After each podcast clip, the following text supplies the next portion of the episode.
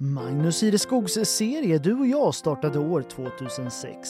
Sedan dess har en lång rad intervjuer med kända och okända människor publicerats. Den gemensamma nämnaren är alla människoöden som skildrats genom åren. Nu släpps intervjuerna även i poddformat inlästa av Magnus Ireskog själv. Det här avsnittet det handlar om den gotländska punken i skiftet 70-80-talet.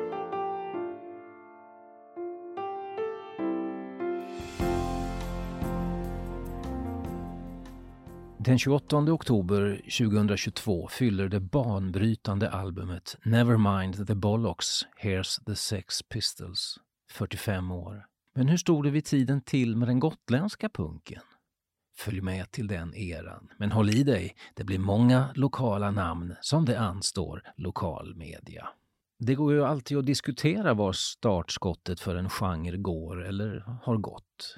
Kanske startade punken i Europa verkligen med brittiska The Damneds tre minuters karamell New Rose i oktober 76. Sex Pistols gjorde dock det allra största avtrycket. Debuten Anarchy in the UK kom i november samma år och innehöll punkiga strofen Don't know what I want but I know how to get it. Den 28 oktober 1977 skakade dock hela kungadömet till när albumet Nevermind the Bollocks landade på skivdiskarna. Låten God Save the Queen, där England beskrevs som en fascistregim, bannlystes av BBC, vilket såklart var bästa tänkbara reklam. Vilken tonårsunge vill inte reta sina föräldrar med en sån singel? Och köptes gjorde den, även i Sverige där den låg på försäljningslistan i fem månader. Pistols var sedan på Sverige-turné och bokades faktiskt till Visby och rockklubben Rocken, men han splittras innan de kom till ön. På andra sidan Atlanten hade Ramones 76 debuterat med Blitzkrieg Bop, Iggy Pop, uh, Patti Smith och New York Dolls med Johnny Thunders som sedan verkligen spelade i Visby var ytterligare några namn som vid den här tiden förebådat vad som kanske skulle komma och vad som verkligen kom. I Sverige var Klippanbandet Kriminella Gitarrer först ut med den nya råbarkade stilen. Deras vårdad klädsel pressades i 500 ex och släpptes i februari 1978. Därefter välde banden fram som Incest Brothers, Perverts, Rövsvett och Rävjunk. Tidigt seglade Ebba Grön upp som den svenska punkens mest breda härförare. Bildandet av gruppen är skildrat i Tåström-låten The Haters. Vi hade en blond basist som höll på Gnaget. Det var den hårdaste grabben jag mött. Och senare i låten. Vi träffade en trummis med en Sex Pistols-platta under armen. Han ville vara med i pakten och sen så var det klart. Den där grabben som höll på Gnaget, det var Fjodor, Gotlands boende sedan länge och Sex Pistols-plattan hölls av Gurra, trummisen i Ebba Grön. Ebba Grön välte världen med sin första singel. Åtminstone välte de Sverige. 500 x 21 april 1978. Singeln Antirock innehöll två låtar. Profit och Ung och sänkt. Medlemmarna stärkte sig med starköl i gryningen, sen fort in i studion och lika fort ut. De hajade ingenting av oss, säger Fjodor i bookleten till den 4 CD-box som gavs ut 1998. De ville inte höra oss innan. Efteråt ville de inte gå med och käka lunch. De tyckte vi var äckliga på något vis. På Gotland var det Urban Släke som historiskt hållit punkens fana högst. Influerade förstås av The Damned och Pistols men även av svenska band som Usch, Skabb och Mögel skrinlade medlemmarna sina planer på symfonisk Genesis musik och slog sig istället in på skramlet. Vi kunde ju inte spela, säger Pelle Segerlund, numera i rätt hårda The Dogmen. Ja, Björn Akre kunde i och för sig några ackord på gitarr. Han hade spelat med dansbandet Mickes. Så för vår del var det kanske enklare att ge sig in i punken än att spela symfonirock. Under eh, bandets brintid 78 till 84 kom namnet att förkortas efterhand. Ursprungliga Urbans Läke och hans gröna gitarrfodral blev Urbans Läke och hans G-fodral, vilket blev Urbans Läke och till sist, under bandets sista år i Stockholm dit medlemmarna flyttat 1981, bara Släke. I bandet ingick även Patrik Tiger Ekman.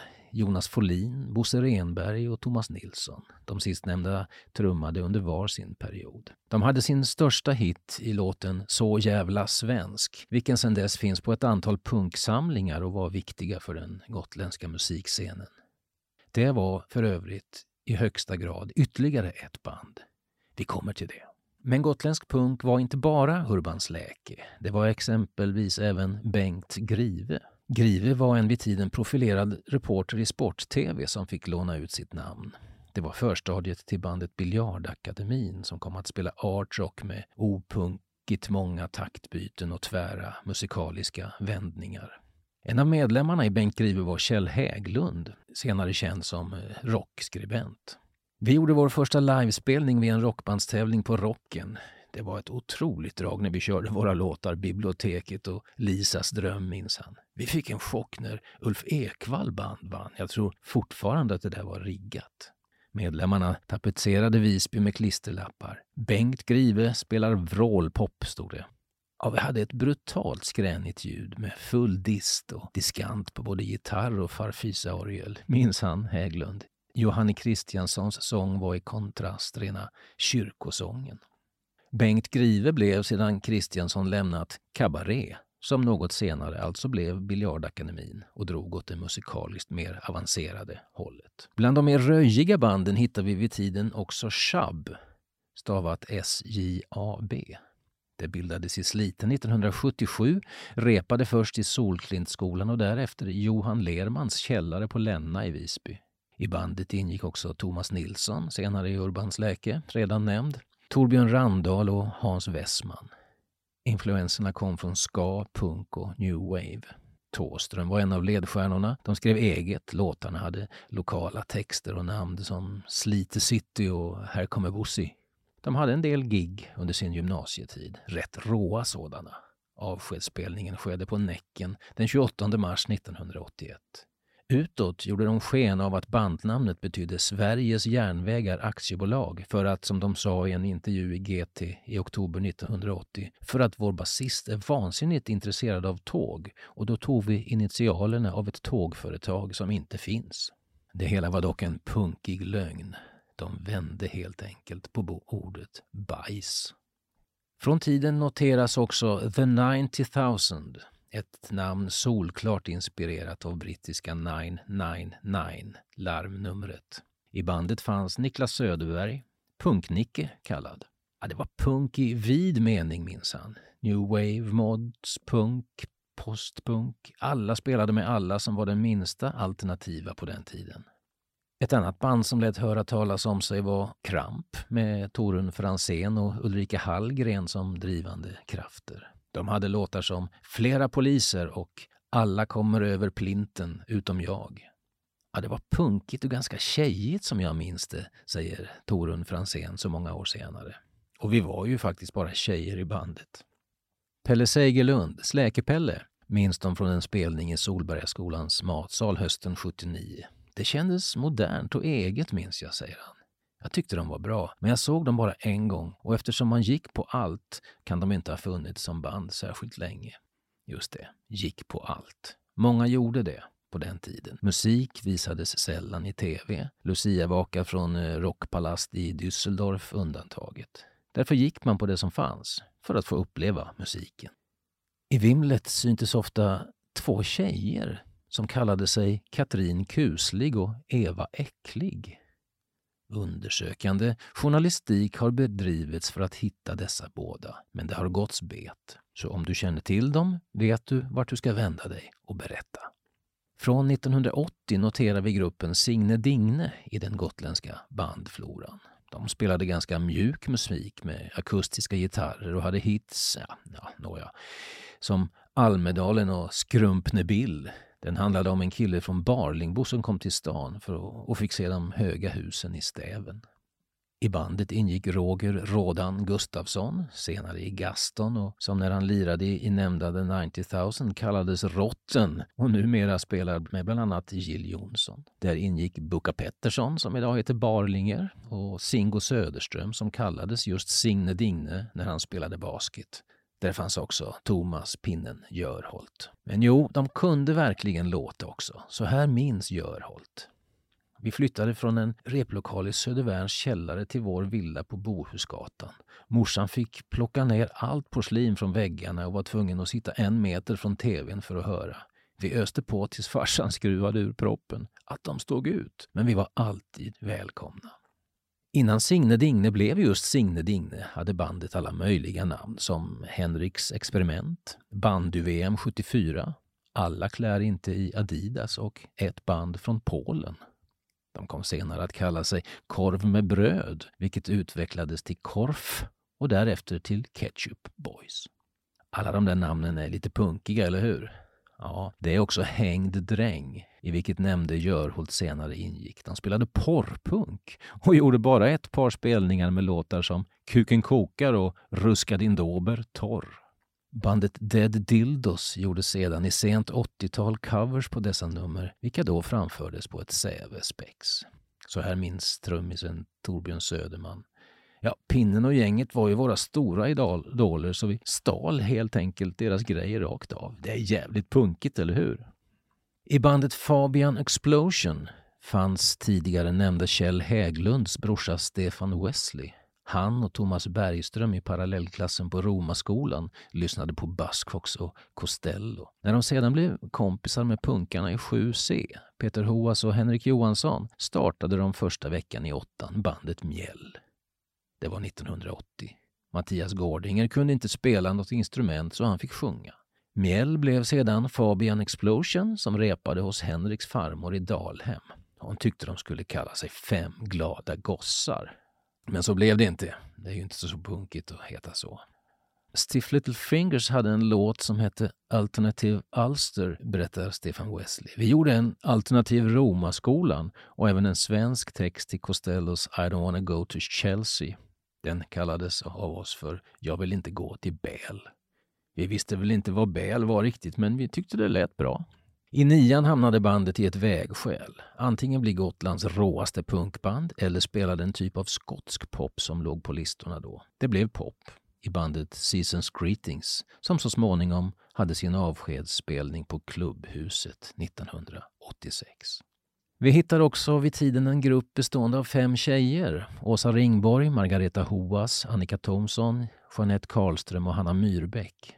Det var kanske inte punk precis, men mer 60-talspop, men ändå rätt larmigt i låtar som handlade om hotell som gick i konkurs, om migrän och en låt handlade om en hund. De kallade sig Nymods. Klädseln var viktig. Kavaj, smala slipsar, pressväck och kort hår. De bildades som Sabotage, gick över i Affekt och slutade framåt 1985 som Kax. Tjejerna tillhörde också de som startade musikföreningen Förbandelsen, den som så småningom blev den idag livaktiga kulturföreningen Roxy.